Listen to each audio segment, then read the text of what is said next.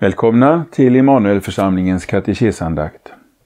Vi har nu kommit till det sjunde budet, men innan vi stannar upp inför det ska vi be Psaltarpsalmen 112. I Faderns och Sonens och den heliga Andes namn. Amen. Halleluja! Salig är den människa som fruktar Herren och har sin stora glädje i hans bud. Hans efterkommande ska bli mäktiga på jorden. De rättrådiga släkte ska bli välsignat. Rikedom och ägodelar ska finnas i hans hus. Hans rättfärdighet består i evighet. För de rättrådiga går han upp som ett ljus i mörkret, nådig, barmhärtig och rättfärdig. Det går väl för den som är barmhärtig och ger lån, den som stöder allt han gör på rättfärdighet. Han ska inte vackla till evig tid, den rättfärdige ska man minnas till för evigt. Han fruktar inte ett ont budskap. Hans hjärta är frimodigt, det förtröstar på Herren. Hans hjärta är tryggt och utan fruktan. Till sist får han se sina fiender falla. Han strör ut, han ger åt de fattiga. Hans rättfärdighet varar i evighet. Hans horn ska lyftas högt med ära. Den ogudaktige ska se det och känna vrede. Han ska bita ihop tänderna och förgås. Vad de ogudaktiga längtar efter blir till intet. Ära var det Fadern och Sonen och den helige Ande, så som det var av begynnelsen, nu är och skall vara, från evighet till evighet. Amen. Sjunde budet. Hur lyder det? Du ska inte stjäla. Vad är det, eller hur lyder förklaringen? Vi ska frukta och älska Gud så att vi inte tar vår nästas pengar eller ägodelar eller lurar till oss dem genom falska varor eller avtal, utan hjälper honom att förbättra och behålla sina ägodelar och inkomst. Först kanske man tänker inför det här budet att det här, här har jag väl ingenting att bekänna. Det här angår väl egentligen inte mig som lever så hederligt och ärligt. Men precis som, det, som när det gällde de föregående buden, när man börjar fördjupa sig i vad de betyder så visar de sig, nej, inte heller här står jag ren inför Gud. Så låt oss nu se lite närmare på det sjunde budet. Förklaringen till det började att vi ska frukta och älska Gud så att vi inte tar vår nästas pengar eller ägodelar. Min nästa har pengar, han har ägodelar. Det har troligen Gud försett honom på ett ärligt vis. De är hans, inte mina. Också mig har han gett både det ena och det andra, kanske inte lika mycket som min nästa, men likväl. Mer eller mindre, det som är mitt, ja det är mitt. Men är det mitt? Ja, i förhållande till min nästa, förhållande till samhället, så är det mitt. Det är min egendom. Den har ingen rätt att ha. Till hela min omgivning har Gud tydligt sagt, du ska inte stjäla. Gud vill att mitt ska förbli mitt. Lika mycket som han säger att min nästas egendom ska förbli hans och inte min. Alltså, inför min nästa är jag rättmätig ägare till min egendom. Men inför Gud är jag inte ägare utan vad då? Jo, förvaltare. Allt är ju Guds egendom och allt vad jag har som jag kan kalla för mitt, det är Guds. Som jag är satt att förvalta eh, med det uppdraget att det ska vara till välsignelse för andra. Genom att i kärlek till min nästa sköta om det som är mitt, så att jag och min egendom blir till välsignelse för dem, bland vilka han satt mig att leva, tjäna. All form av stöld är brott mot det sjunde budet. Men redan min åtrå efter min nästas egendom är synd. Den heter avundsjuka. Varje form av att skaffa sig pengar eller egendom som inte sker på ärligt sätt är synd mot Guds bud. om jag deklarerar falskt, om så bara på en hundralapp, så är jag en tjuv. Eh, om jag säljer mitt hus för en bestämd summa men låter bli att tala om dolda fel som jag känner till, så lurar jag min nästa som får betala mer än han skulle. Eller om jag vid ansökan om något av de många bidrag som numera finns tillgängliga lämnar uppgifter som inte stämmer med verkligheten därför att jag vet att så här kan bidrag bli större, då faller det under det sjunde budet. Vi betalar ju skatt och det ska vi göra enligt de regler som finns, både inkomstskatt och andra skatter. Vi kan till exempel ibland bli erbjudna att slippa kvitto från en hantverkare och så tar han ingen moms och hantverkaren kan tjäna på det och det blir billigare för mig. Men det är oärligt och olagligt. Paulus skriver Fullgör era skyldigheter mot alla. Skatt åt den som ni är skyldiga skatt, tull åt den som ni är skyldiga tull. När vi betalar skatt så är det ju till, till eh, väldigt mycket bra. Sjukvård, försvar, polisväsende och mycket mer. Även om vi ibland kunde önska att somliga skattemedel förvaltades på ett bättre, ja kanske på ett helt annorlunda sätt av myndigheterna. Hur kan en arbetsgivare stjäla från arbetstagaren? Genom att betala för dålig lön. Hur kan arbetstagaren stjäla från sin arbetsgivare? Genom att inte göra skäl för sin lön. Den djupa orsaken till att vi har fått det här budet handlar om vårt hjärtas avgudiska kärlek till pengar och egendom. Därför tangerar ofta det sjunde budet eh, det första. Du ska inte ha andra gudar vid sidan om mig.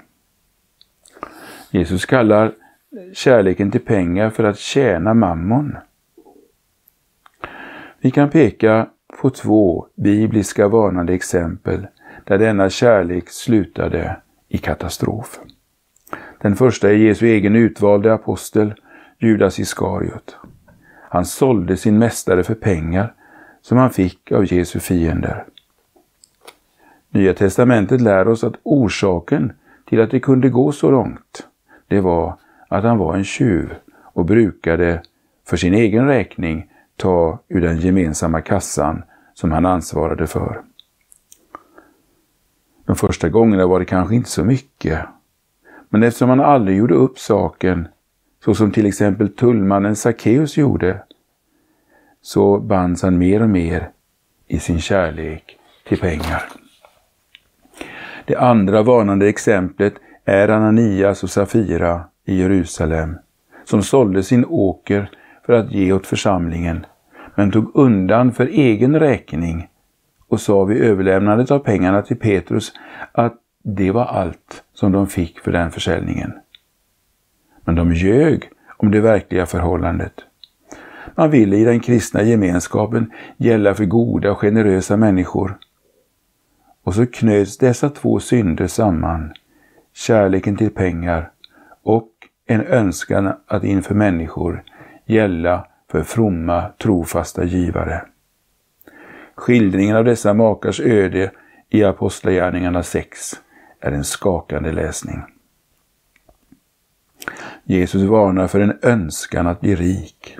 Han påminner om att det är svårt för en rik att komma in i himlen. Paulus knyter an till det när han skriver till Timoteus att kärleken till pengar är en rot till allt ont. Det finns rika människor som lever trons liv. Inte många, men några. I skriften har vi ett, ett fint exempel i Abraham. Det avgörande är, antingen man har mer eller mindre, hur man ser på det man har. Om det är mitt, eller om det är all, om alltsammans är Herrens som jag är satt att förvalta. Om jag girigt bevakar mina rättigheter och min egendom, eller om jag ser på det jag äger som något som jag har, för att hjälpa dem som Gud har satt mig att tjäna. Ja, nu har vi anledning att tacka Gud för detta budet, lika väl som vi tackar för de andra buden.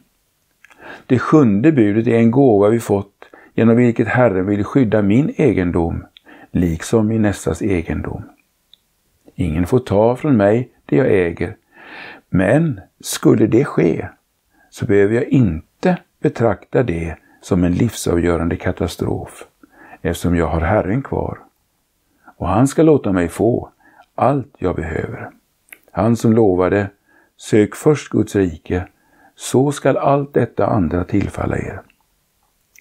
Så tackar Guds barn sin himmelske far, som både gett ett så gott bud och gett löfte om att hans barn ska få leva i trygghet tills han tar dem hem till sig. Men när vi nu ser in i det sjunde budet så ser vi att det finns så mycket i våra liv som behöver bekännas. Även om vi ärligt kan säga att vi inte har stulit i ordets vanliga mening, så måste vi ändå bekänna att vi är överträdare också av detta bud. Ganska många har blivit smittade av covid-19, men en annan sjukdom är långt mera utbredd, avundsjukan. Den har ofta bedragit oss. Den underliga girigheten och kärleken till pengar eller det som kan köpas för pengar. Eller hjärtats förhållande till trygga pensionsförsäkringar som i sig kan vara goda ting. Vår olust att dela med oss. Jag får bekänna att jag ofta gått förbi den som jag hade kunnat hjälpa. Och jag får bekänna att jag inte har fruktat för Guds vrede över all kärlek till pengar och att jag inte i kärlek till honom litat på att han skulle förse mig med allt det jag behöver. Därför vill vi nu också eh, be om ny kärlek till honom, om en ny förtröstan till honom, att lita på honom, att han dagligen eh, förser mig med allt jag behöver. Jag vill be om hjälp att ta vara på den tid han gett mig för kallelsen han fått, jag fått. Jag ber honom om kärlek också till detta bud såsom hans goda bud. Jag vill också be för alla människor att de skulle förstå att detta är Guds bud och gäller alla. Många miljarder försvinner varje år ur statskassan på grund av bidragsfusk och andra miljarder försvinner på grund av falska deklarationer. Det gör väldigt många i vårt land till tjuvar. Och Gud säger du ska inte stjäla. Vi ber att det i vårt land skulle ske ett andligt uppvaknande. Herrens apostel skriver ju Vet ni inte att inga orättfärdiga ska ärva Guds rike?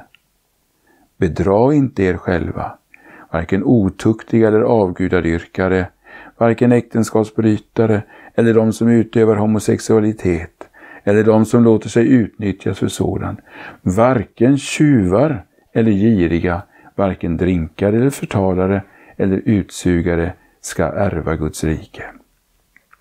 Vi lägger märke till att här nämner Paulus avgudadyrkare, det inkluderar mammonsdyrkare och här nämns tjuvar. Den som är tjuv ska inte ärva Guds rike. Men tjuv är inte bara den som döms för stöld eller snatteri, utan också den som i hemlighet fuskat sig till pengar. Vi ber att vi som kristna söker efter att på allt sätt ha allting klart inför Herrens ansikte. Och vi ber att väckelsens ord ska nå in bland vår tids människor. Det finns ingen som inte kan få förlåtelse, men synden måste erkännas och bekännas. Det var två rövare, två tjuvar, mördare, som hängde på var sin sida om Jesu kors. En av dem bekände, vi lider vad våra gärningar är värda. Han har inget ont gjort. Och bad, Jesus tänk på mig. Han bekände sin synd och fick löfte om att samma dag vara i paradiset. Amen. Låt oss be. Vi tackar dig, käre himmelske Far, för att du har uppenbarat din vilja för oss och nu också gett oss detta bud och vår nästas egendom. Fyll mitt hjärta med omsorg om min nästas ägodelar. Ge mig villighet att stötta honom på det sätt du lägger framför mig. Fyll mitt hjärta med ny förtröstan till din omsorg om mig och till dina löften om din dagliga hjälp. Hjälp mig att förvalta det som du har gett mig. Ge mig nåd att minnas att det alltsammans är ditt, mina pengar och alla ägodelar. Hjälp mig att komma ihåg att jag snart ska lämna det för att istället få del av hela himlens härlighet. Herre, förlåt mig min blindhet, min avundsjuka, mitt habegär, min ovilja att hjälpa och dela med mig. Ja, min snålhet. Rena mig med Jesu blod och ge mig på nytt din helige Ande, godhetens ande, som gör mig givmild och full av förtröstan. Led mig i hur mycket du vill att jag ska dela med mig åt min församling och hela ditt rikes arbete. Så vill vi be dig om väckelse i vårt land och att många skulle vakna upp ur sin sömn i synden. Också från all lögn kring frågan om pengar och fusk. Låt många hitta vägen till det kors där en rövare fick frid i sista timmen. Det ber vi i Jesu namn. Amen. Fader vår, som är i himmelen. Helgat varde ditt namn. Tillkommer ditt rike. Ske din vilja, så som i himmelen, så och på jorden. Vårt dagliga bröd giv oss idag och förlåt oss våra skulder, så som och vi förlåta dem oss skyldiga äro. Och inled oss inte i frestelse, utan fräls oss från ondo. Ty riket är ditt och makten och härligheten i evighet. Amen. Sjunger vi från psalmer 1991, nummer 871, vers 8.